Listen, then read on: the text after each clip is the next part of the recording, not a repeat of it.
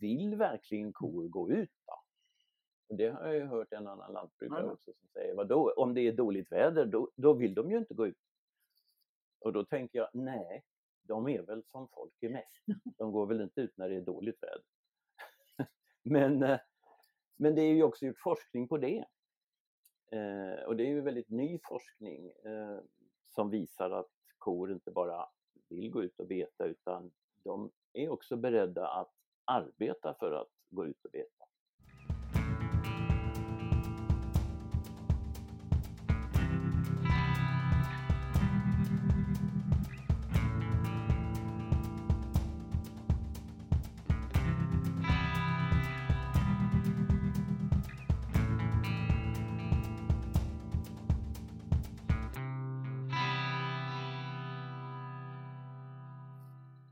Det här är podden alla älskar djur och idag har jag en gäst i studion, Gunnela Ståhle.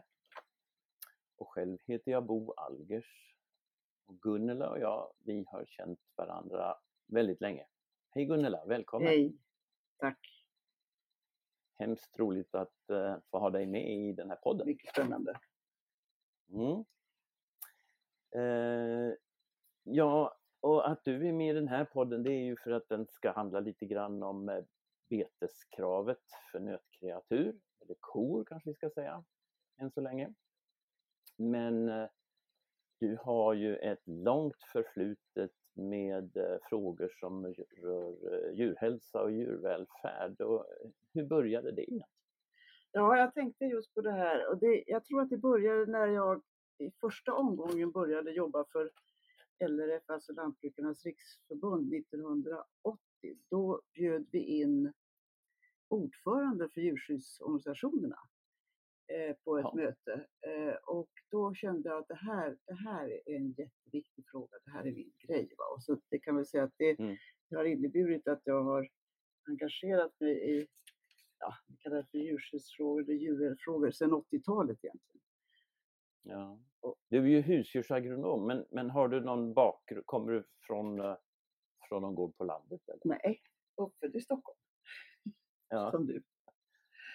precis. Ja. ja. Men eh, Men jag tror att det var en, en sån där kick så när jag kände att det här, är, det här är frågan som jag brinner för och vill ägna mig åt. Och det har jag ju gjort, fort, fortsätter att göra ju som du vet, även Mm. nu. Eh, och det har varit många, väldigt många utmaningar genom åren och de har inte blivit mindre, snarare mer under senare ja. tid. Och du har, ju, du har ju arbetat för LRF och Slakteriförbundet i olika omgångar och eh, eh, är ju en person som har varit, vad ska jag säga, i det man brukar kalla för näringen Mm. eh, och, och jobbat därifrån med, med de här frågorna. Ja, det är lustigt att du säger så, därför att min kära son som skrev en bok, han, han betonade just värdet i att faktiskt vara innanför och påverka. Mm. Och att man Ja. egentligen kanske får större effekt. Och jag kan ju säga att vi fick ganska bra effekt av de här frågorna under ett antal år genom att man jobbade Mm. inifrån snarare än att kritisera utifrån. Nu står jag ju Ja. utanför men fortsätter att försöka påverka. Mm. Du jobbar ju mycket med, med antibiotikafrågan vet jag. Ja, det, det är ju en av de där frågorna som jag känner väldigt alltså, stolthet över att vi redan 81 då på LRF tog tag i frågan och insåg att det här är en jätteviktig fråga för, för, för både mäns, människor och djur även i fortsättningen. Så att vi, jag skrev ju en antibiotikapolicy för LRF 1981 och den kan man ju titta tillbaka och säga att den håller fortfarande ganska väl även om den är ändrad. Så det är en fråga som jag har drivit sedan 80-talet kan man säga. Och eh, Mm. ett av argumentet var ju när man skulle försöka övertyga resten av EU att det här var klokt som Sverige gjorde som införde ett förbud mot så kallade tillväxtantibiotika. Det var ju att det, det främjar djurskyddet. Om vi har en restriktiv användning av antibiotika så måste vi förbättra våra djurmiljöer för att djuren ska hålla sig friska utan antibiotika. Just. Precis, och det har ju varit lite av den svenska linjen Mm. sedan dess. Och, eh, och det är ju, eh, eh, väldigt viktigt än idag när det fortfarande används väldigt mycket antibiotika i många länder Mm. eh, i djurhållningen därför att just djurmiljöerna helt enkelt inte räcker till. De är inte biologiskt tillräckligt funktionella. Så är det. Så, så är det absolut. Ja, och ehm, det här ska ju handla om nötkreatur, kor, beteskrav. Eh, vi har ju sedan ganska länge ett, krav på att mjölkkor ska kunna komma ut och beta på somrarna. Eh, Vad tyckte, vad tyckte LRF om det när den frågan kom upp?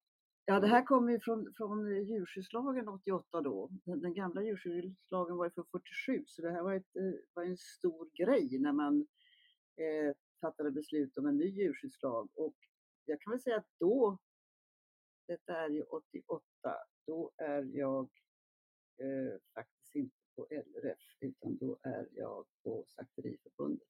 Men jag kan ju känna så här att det här var ju inte något jättestor utmaning därför att, att man visste ju att i stort sett alla kor gick på bete. Det fanns ju vissa undantag. Och det var de här eh, så kallade KR-jordbruken uppe i Norrland som hade, som hade startats upp för att eh, eh, ja, man ville, ville bygga upp en, en, en mjölkproduktion i Norrland och då, då var det väl ofta så att det fanns ont om betesmark så då accepterar man att kor kunde stå inne. Men det där, det där eh, men jag, jag känner, kände nog ett ganska så starkt stöd för att äldre tyckte det här var viktigt och förstod så att säga, värdet av det. Och det kan ju delvis bero på kan man säga, Astrid Lindgrens engagemang i frågan, att, att det här var en publikfråga som, som var viktig eh, Mm. för, för omvärldens och konsumenternas förtroende. Så jag kände Mm. att då, av det skälet, just det skälet att de flesta kor gick ute, eh, så kändes det inte som någon större utmaning. Och så bråkade vi lite grann med, med Jordbruksverket då på den tiden att, att vi kunde möjligtvis hitta någon variant på det där för de här så kallade KR-jordbruket. Men, eh, och så va. Eh, och det fanns ju i och för sig en, det fanns ju då en uppfattning eh, hos LRF, alltså nu talar jag ju då sent 80-tal, början 90-tal, att, att eh, eh, man skulle kunna, kunna ha dispens då för vissa, under vissa förutsättningar. Så Mm. det, det grodde ju någon slags tilltro till att, att man, man inte skulle behöva ut sina, alla sina kor då. Det är väl många med stora besättningar som tyckte att det var rent praktiskt väldigt besvärligt att eh, få ut många kor. Mm. De skulle ju gå ganska långa sträckor ut och eh, det blev bökigt med tanke på mjölkning och så. Mm. Så att, eh, det är klart att eh, det kan man ju i och för sig förstå att det fanns sådana synpunkter. Även om det ju är många stora gårdar som har sina kor ute på bete. Ja, som du vet så finns det ju jättebra exempel att man kan få ut vad är det, 1400 kor som på sina håll Jajamän. och eh, i Ja. den storleken med 1000 kor att det går bra att ha bete och så. Så att, så att Mm. visst går det. Men, men hela frågan har ju, jag menar som har följt den då ända sedan, sedan kan man säga eh, det här trädde i kraft då, eh, har varit en ständig diskussion mellan kan man säga lantbruksnäringen och Jordbruksverket eh, och kanske Ja, djurskyddsmyndigheten vet jag inte, men jag, jag var ju med i det här som Jordbruksverket hade ju ett djurskyddsråd då, och då kom det ofta från näringen propåer om att man skulle eh, lätta på kraven och minska tiderna och införa en hel del undantag. Och de finns ju kvar där Mm. fortfarande, en hel del undantag. Jo, så är det.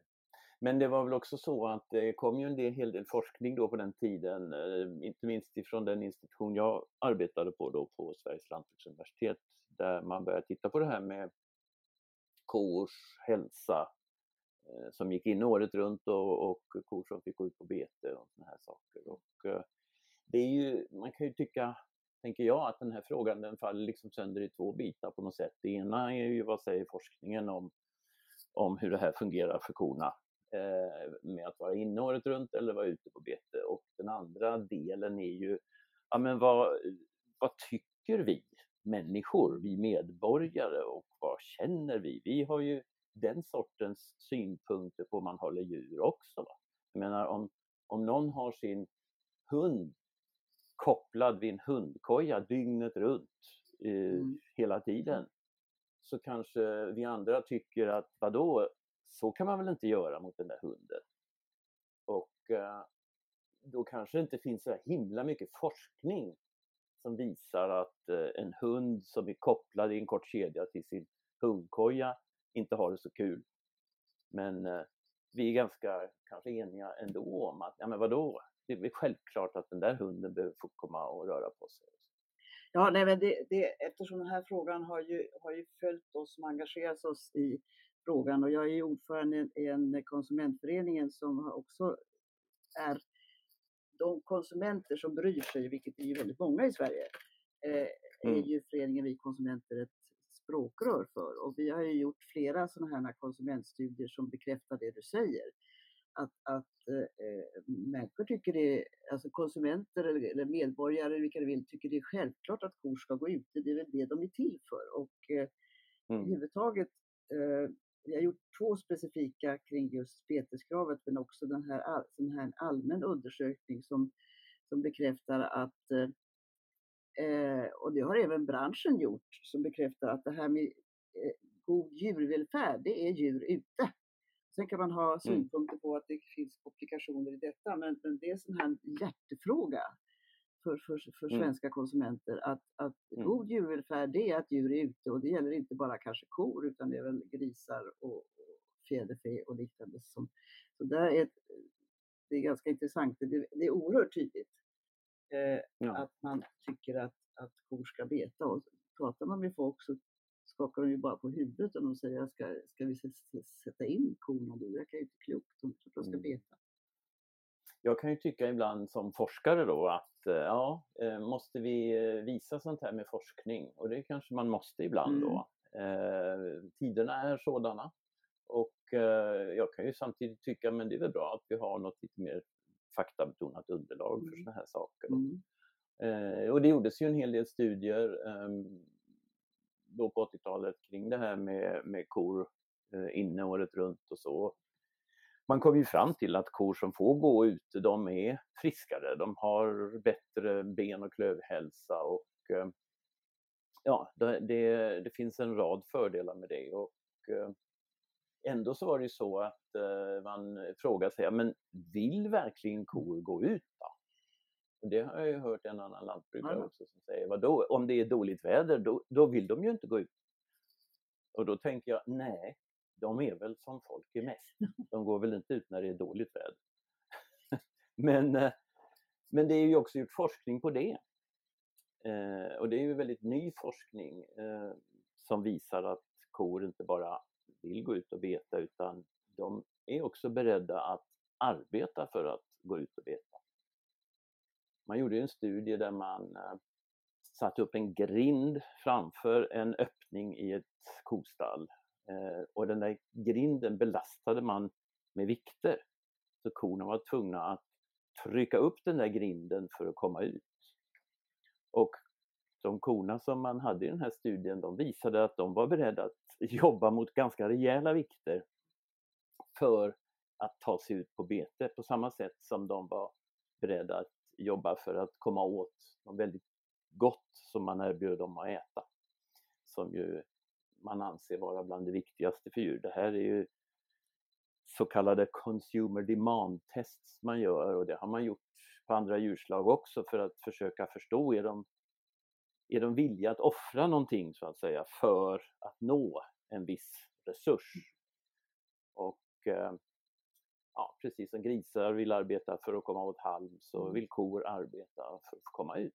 Det här lite självklara kanske, men ändå. Ja, nej, men nu, nu är det klart att med, med den storleksrationalisering som har hänt och eh, eh, har inte funnits någon Alltså när jag var på LRF så drev vi en fråga att den så här så kallade förprövning av djurstallar från djurskyddssynpunkt som vi har haft i Sverige sedan länge och som också diskuteras skulle inkludera att man så att säga säkerställde att det fanns tillräckligt med betesmark. Det där hävdar ju då Jordbruksverket att det där gick inte in att få ihop eh, i den förskrivning som finns i djurskyddsförordningen kring det där, eh, tyvärr. Och det innebär ju att det, kom upp, det har blivit ett antal stora besättningar som inte heller har betesmark tillräckligt för att kunna ha bete till sina kor. Och det där är ju liksom eh, beklämmande i och för sig. Det, det som den här studien nu som, du, som nu är på gång när man ska titta på kor inomhus i 18 månader, alltså den svarar ju inte på den frågan. För det är ju faktiskt så att om vi nu talar om djurskyddslagen 88 som, som ju bestämde sig för att vi skulle ha, eller förordningen står det ju det att kor, kor ska vara ute på betet en, en viss tid på sommaren. Mm. Den uppdaterades ju. Och det där tycker jag att, att näringen, eller ja. inte näringen generellt, jo kan man kanske säga, eh, som driver frågan liksom har låtit bli att, att ta hänsyn till. Alltså det kom ju en ny. Kom ju en djurskyddsutredning som så småningom utmynnade i en lag, djurskyddslag 2019 som, som samtliga riksdagspartier har ställt sig bakom. Som faktiskt ja. fortfarande eh, sen översätts i djurskyddsförordningen i ett krav att, betes, att kor ska kunna få beta sommartid. Nu tycker vi och många inom djurskydd att det räcker inte med de här Eh, mjölkkorna utan vi tycker ju att alla nötkreatur ska komma ut på bete och är det, är det tjurar så får man väl kastrera dem så att vi får mera betande djur och mm. bevara den biologiska mångfalden. Och, och, man kan ju fråga sig då, eh, vi pratar om lagen också, så hur, kommer de här olika texterna till? Ja, lagen stiftas ju av riksdagen, så det är ju en mm. majoritet av riksdagens ledamöter som bestämmer vad som ska stå i djurskyddslagen. Och det var ju det de gjorde en uppdatering på då som du var inne på 2019. Medan djurskyddsförordningen det är ju regeringen, den, den just dåvarande mm. regeringen som skriver förordningen och den kan ju nästa regering skriva om om man vill. Det är ett, ett dokument som inte är lika fast i formerna som, eh, som djurskyddslagen. Men djurskyddsförordningen är ju samtidigt tänkt att vara en, ett förtydligande och en anvisning till mm. Den myndighet vi har då som är Jordbruksverket. Mm. Eh, som sen skriver detaljregler eh, som kallas föreskrifter. Då. Och det är alltså myndigheten själv som, som eh, säga, bestämmer vad som ska stå i de föreskrifterna. Fast de skrivs ju efter hörande av olika intressenter naturligtvis. Eh, både lantbruket själva och Eh, djurskyddsorganisationer och konsumentorganisationer och andra. Du har ju varit med mycket i sådana samråd Gunilla. Ja, nej, men det är precis som du säger att, att eh, eh lagen är ju en slags ramlag och det finns ju, eh, finns ju en paragraf som är jätteviktig i det här sammanhanget och som faktiskt inte ändrades från lagen 88 och det är det här liksom kravet på naturligt beteende och du har ju själv varit med och hjälpt till att formulera vad vi menar med det. Va? Och eh, det är precis som du säger, förordningen är ju ett förtydligande. Vad menar vi då med naturligt beteende för olika djurslag? Och så hamnar vi på att man gjorde bedömningen i alla fall, och det här är ju kanske, alltså riksdagen, eller den regering gjorde bedömningen att naturligt beteende för kor är att vara ute och beta. Ja, och det, jag kan bara lägga till där då att eh, den, den så att säga uppgradering av bakgrunden till det här naturligt beteende som gjordes då i samband med, med 2019 års lag handlar just om att naturligt beteende är vad djuret är starkt motiverat för att göra, det vill säga det är de drivkrafter som djuret har att mm. göra någonting. Och eh, och det här har man i, i bakgrundstexter varit väldigt eh, detaljerad med att förklara vad det handlar om. Och det handlar ju dels om sånt som styrs av genetiken eh, i ett djur, alltså djur har sina specifika beteenden, en hel del utav dem medfödda, de sitter i generna. Men också utav till exempel hormonella förändringar som till exempel det här med att eh, suggor ska kunna bygga bo innan de grisar, det har med hormonella förändringar att göra eh, och också genetiken förstås. Eh, men också eh, vad de är motiverade att göra utifrån hur, hur miljön ser ut runt omkring dem. Och så. så att vi vet nu att det som står i lagen om naturligt beteende, det ska handla om vad djuren är starkt motiverade för att göra. och jag tänker på den här studien som jag pratade om nyss Mm. som handlar om att de här korna eh, som man tittade på var starkt motiverade för att gå ut och beta. De eh, tryckte upp grindar som var belastade med ganska tunga vikter för att kunna komma ut på kvällen och beta.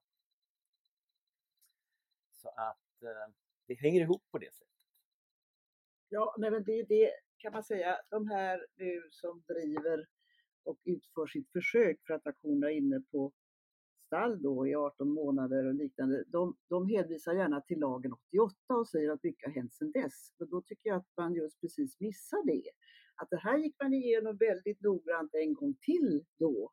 Egentligen 2011 satte djurskyddsutredningen igång och, och konstaterade nej, naturligt beteende är en jätteviktig del i vår lagstiftning hur vi ska hantera och sköta våra djur.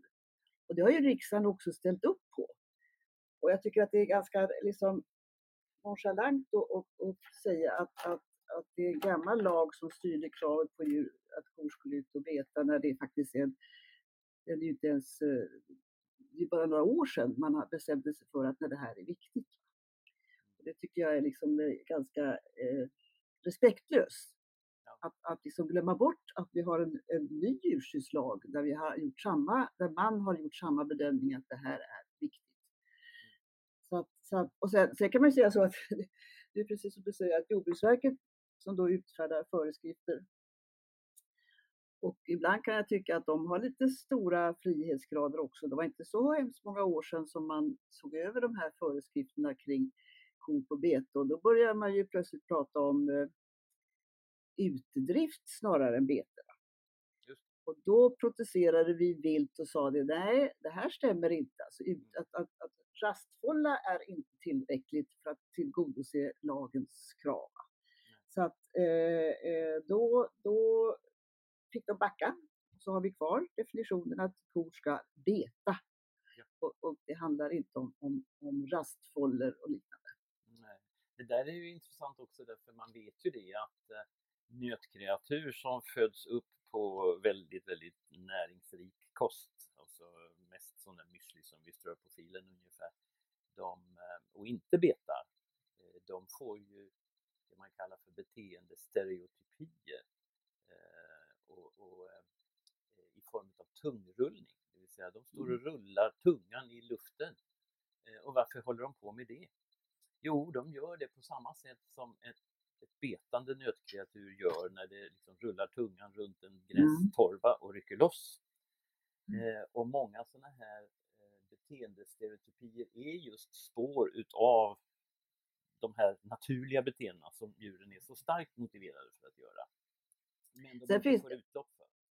Sen finns det ju en, tycker jag, lite ganska besvärande okunnighet om det du säger att, att man tror att, att, att aveln har påverkat våra djur i en viss riktning som innebär att liksom beteendet eh, också har förändrats och att det inte finns de här motiven och behoven. Och då pratar man ju liksom både om, om, om grisar och kor och, och det konstateras ju gång efter gång. Alltså så här, kan ändra produktionsfaktorer och utseende och liknande men, men beteendet har ju inte ändrats. Det finns ett jätteintressant exempel på det.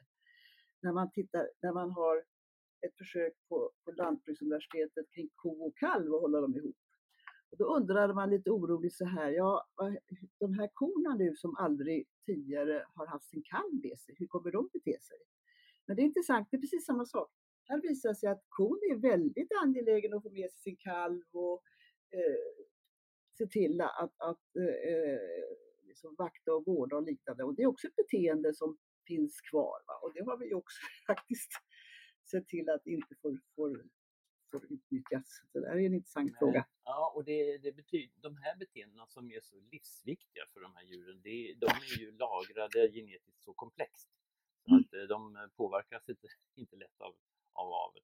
Och det här var ju redan på, på början på 80-talet då, då eh, faktiskt professorer på SLU med stor tvärsäkerhet förklarade för bland andra mig som då var Ja. ung och ny forskare att suggor de är så avlade nu så Ja. de behöver inte bygga några bon när de ska föda grisar. Vilket ju var bara bullshit. Det var en killgissning. Det var ingen professorskunskap där inte. Det var en killgissning. Och, ehm, och det här har vi ju sett vi ser det ju på minkar, man påstår ju att minkarna är så domesticerade nu så de trivs i sina burar. Men det görs ju försök på minkar som, man, som har gått i bur jättelänge då och, och som man släpper ut och de gör ju ingenting annat än att hålla på och badar i vatten och försöker leta föda i vattendrag och sådär. Så att de här beteendena som är så nödvändiga för djurets fortplantning, mm. de sitter ganska berghårt fast i de här djurens genetik. De ändrar man inte på så Så är det ju. Men, eh, men, men det, det är lite konstigt. De, man fick ju avslag. Man gjorde ju en ansökan faktiskt två gånger förut kring mm. det här med betesförsöket då, där man eh, sa att man ville titta på om inte korna, när man håller dem inne, ändå har det väldigt bra och, och fick avslag med motiveringen att det här vet vi redan att kor behöver komma ut och beta. Och hur kunde man då få godkänt ett sånt här ja. försök en, vid en tredje omgång man sökte? Det övergår lite grann mitt förstånd faktiskt. Ja, alltså jag har ju tittat på, på ansökan och jag tittar på, på vad, de, vad de säger. Eh, och jag, jag, blir, jag blir som du ganska frustrerad därför att alltså, och det, den här, det kom ju en ansökan för något år sedan även till, till den etiska försöksdjursnämnden i Göteborg som avslogs av samma skäl som du säger att det här vet vi ju redan. Va? Mm. Men, men eh, sökande var övertalade tydligen. En, vissa, det fanns ju vissa ledamöter som reserverade sig och, eh, och så. Va? Men, ja. men det räckte inte. Eh, och, nej, det där är ganska eh, beklämmande och jag har ju läst ansökan och det är klart man hänvisar också till den här, den här studien som, som vi talar om alltid, att de här korna kämpade för att komma ut. Men, men, men ja, det är lite beklämmande och det har ju gjort att vi från, som jobbar med djurskyddsfrågor ifrågasätter de etiska försöksdjursnämnderna, deras kompetens ja. och möjlighet att eh, fatta sådana här beslut. Det här blev ju väldigt avslöjande eh, att man ändå sa ja. Så det, det, kan vi men... berätta för, för lyssnarna här att, när man gör försök, det gäller både djur och människor, så måste man först eh, få en, en etisk, eh, ett etiskt godkännande, alltså görs en etisk prövning av varje djurförsök om det är eh, lämpligt eller olämpligt utifrån ett etiskt perspektiv. Och där ingår bland annat frågeställningen, är det här någonting som vi vet tillräckligt mycket om redan? Och är det här en nödvändig ny kunskap och så vidare? Och är det här ett nödvändigt eh, antal djur som ska utsättas för det här försöket och så vidare? Och, eh, och det är ju en nämnd då som är sammansatt utav lite olika intressenter då som handlar om forskare och, och folk ifrån djurskyddsorganisationer och andra. Så att, ehm, eh, och det innebär också att det är inte så sällan som man är oenig i de här etiska mm. nämnderna, det vill säga att det finns överklaganden. De kan man ju titta på och läsa. Eh, eller, eller reservationer helt enkelt mot beslut. Då. Eh, så, så de kan man ju titta på och läsa och, och fundera över vad, vad som har hänt i de här sammanträdena i de här etiska nämnderna. Och det är ju som du säger, ibland undrar man ju lite grann vad, vad de har för, eh, för tankar om, om, om vikten av de här försöken. Ja, eh, nu uppfattar jag det så att, att eh, det är ju det här rådgivningsföretaget då, Växa som heter, som, som lyckades med sin argumentation mm. tyvärr då övertyga om att det här var nödvändigt och viktigt. Eh, det är klart att det ger information, men inte den, alltså det ger ju inte svar på frågan. Alltså, frågan är ju så här, djurskyddslagens ambition att tillgodose djurens behov av naturligt beteende som de är motiverade för. Det svaret får vi ju inte. Och det är det egentligen som ska avgöra sen nästa steg. Vad gör man av den här informationen och liknande? Ska man då, I argumentationen fort, framförs ju väldigt tydligt att, att eh, mjölkproduktionen står inför stora utmaningar och man kan inte utöka sina besättningar, man har inte tillräckligt betesmark och, och, och sånt. Det är en väldigt eh, ambitiös ansökan i och för sig med oerhört mycket referenser. Men knäckfrågan är ju fortfarande, alltså, det ger ju inte svar på frågan. Nej, Nej precis. Och det, det, man börjar i en lite konstig ände på något sätt. Alltså. Och, eh, men, men jag, jag kan förstå de som tänker, ja men vad är vi rädda för? Ja. Och jag som sitter här och, och pratar om det här. Det, om, om det nu är så att korna mår så mycket bättre med bete, så då kommer väl det att på något sätt ändå att framgå av en sån här studie. Vi, vi, vi, är väl lite rädda för det just i och med det du säger Gunilla, att eh, frågan, det är, det är en underlig fråga. De, har, de egentligen ställer, hur mår korna som inte får gå ut på bete? Ja, precis. Och, Nej, men det här, det här är ju, den här frågan har jag själv då i olika roller arbetat med ja, de sista 20 åren minst. Och jag, kan inte, jag kommer inte ihåg hur många debattartiklar vi har skrivit tillsammans, djurskyddsorganisationen och den här föreningen Vi konsumenter som jag är ordförande i, för att tala om att, och det här tycker jag är jätteviktigt att säga, alltså eh, det finns ju massa konsumentstudier som jag berättar om som visar hur viktigt det här är att korna går ute och då kan man hävda från kanske viss producenthåll att ja, men konsumenterna kan väl inte det här. Nej, men det intressanta är, tycker jag, att den här frågan har vi ju drivit på djurskyddsorganisationen och vi fick ju dagligvaruhandelns stöd. Ja. Det tycker jag var helt fantastiskt. De inser att dagligvaruhandeln har ett hållbarhetsråd och där enades man om att svenska kors rätt till bete är ett av de främsta mervärden som svensk livsmedelsproduktion överhuvudtaget har. Och det handlar liksom inte bara just om själva det kravet att kor ska ha bete, utan det överhuvudtaget är en jätteviktig fråga som ger en bild av svensk djurhållning kan man säga. Precis. Så därför så fick ju, gav, gav vi ju Åsa och mig som då är, är sån här hållbarhetsansvarig på Axfood som då var den som initierade frågan. Hon fick ett djurskyddsdiplom just av det skälet att hon drev frågan och fick de andra dagligvaruhandlarna med sig och tycka att, att det här, så det här har känts, det är därför man kan säga att denna på något sätt helt okänslighet för att förstå att, att även svenska bönder producerar för, för svenska konsumenter i första hand. Och om svenska konsumenter och dagligvaruhandeln säger att svenska kors rätt till bete är det viktigaste mervärden ni har. Och det finns ju också studier som visar att om man nu, om man nu eh, så att säga, tar bort det här så minskar motivationen att köpa svenskt i allra högsta grad. Mm. Så då finns det inget motiv att, att betala mer eller, eller köpa svenskt om man tar bort en av de viktigaste mervärdena. Så därför så är det här en jätteviktig fråga. Va? Precis. Jag, jag kan se också ett annat perspektiv i detta som, som, eh, som handlar om vad jag är rädd för och det, det är på grund av den erfarenhet både du och jag Gunnar, har av vad som hände med eh, en liknande kan man väl säga studie av tidig avvänjning av grisar.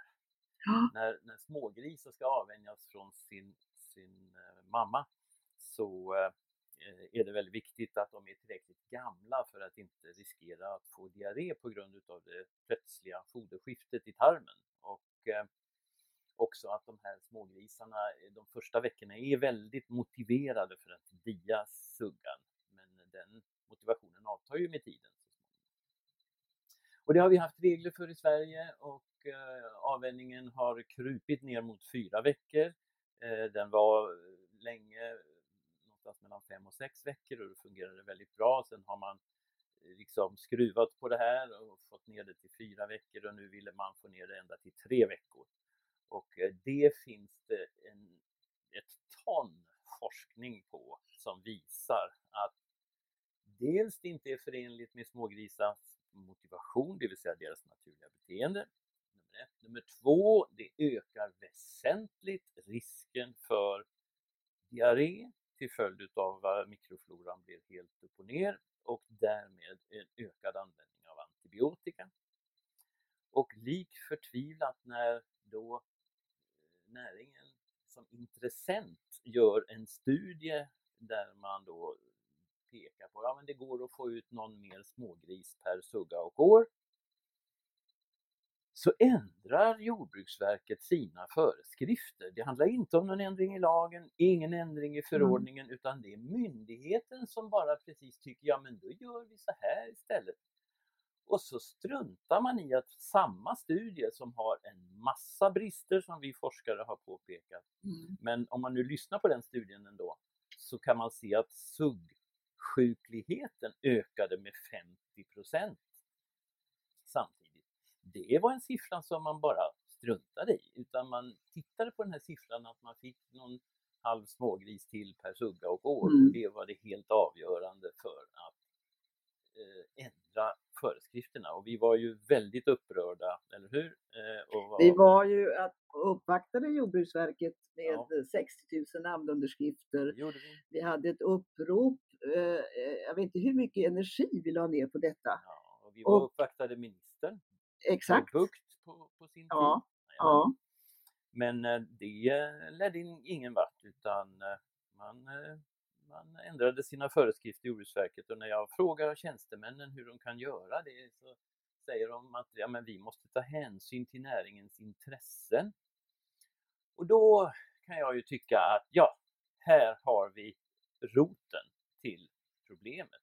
Ja. Det vill säga lagen, det är medborgarnas intresse. Djurskyddsförordningen, det är medborgarnas intresse.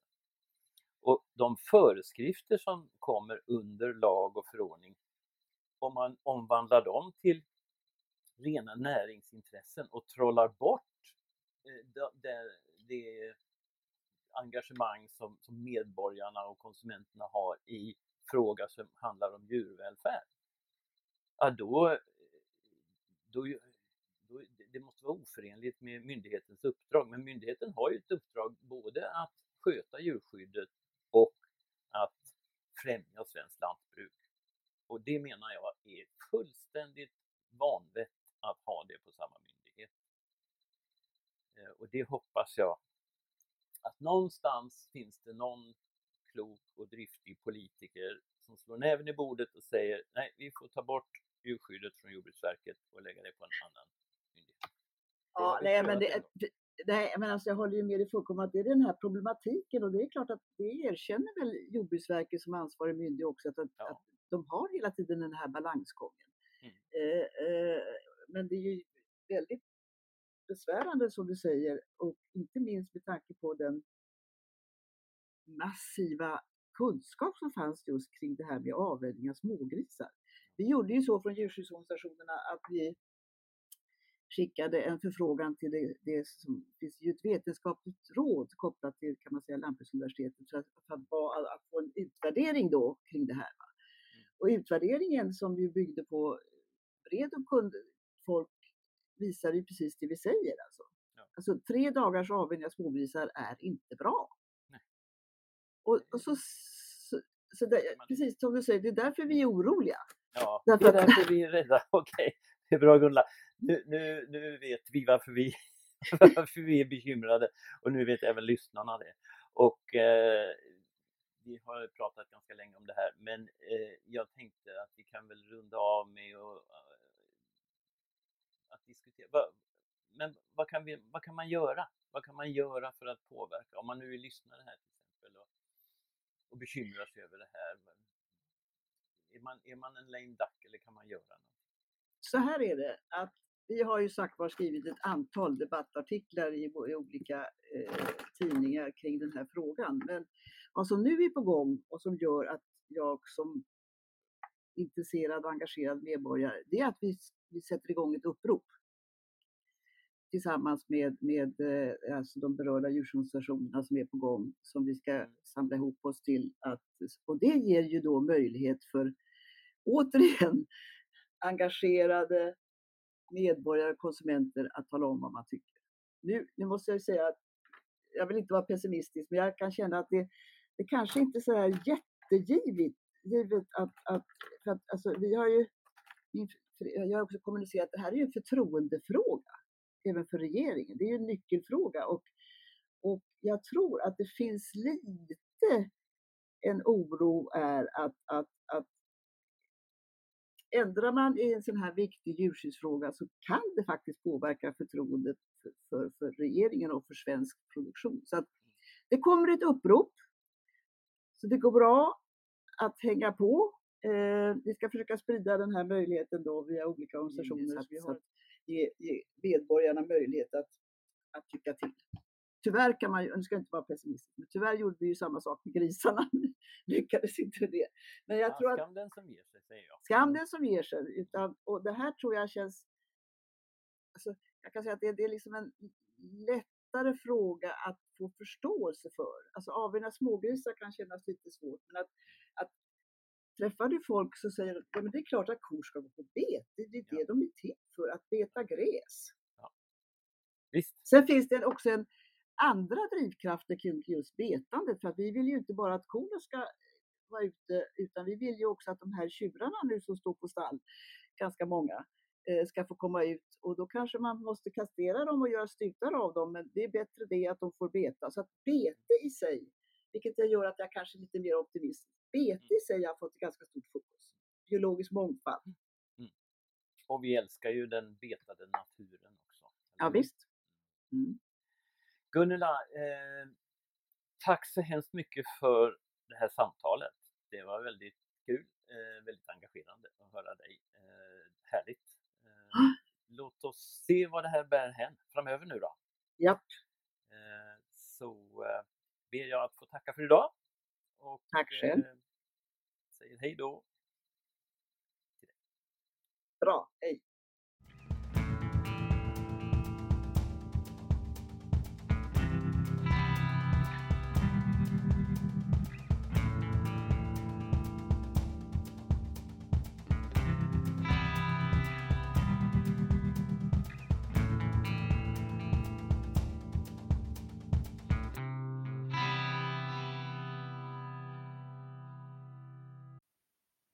Tack för att du har lyssnat på podden Alla älskar djur.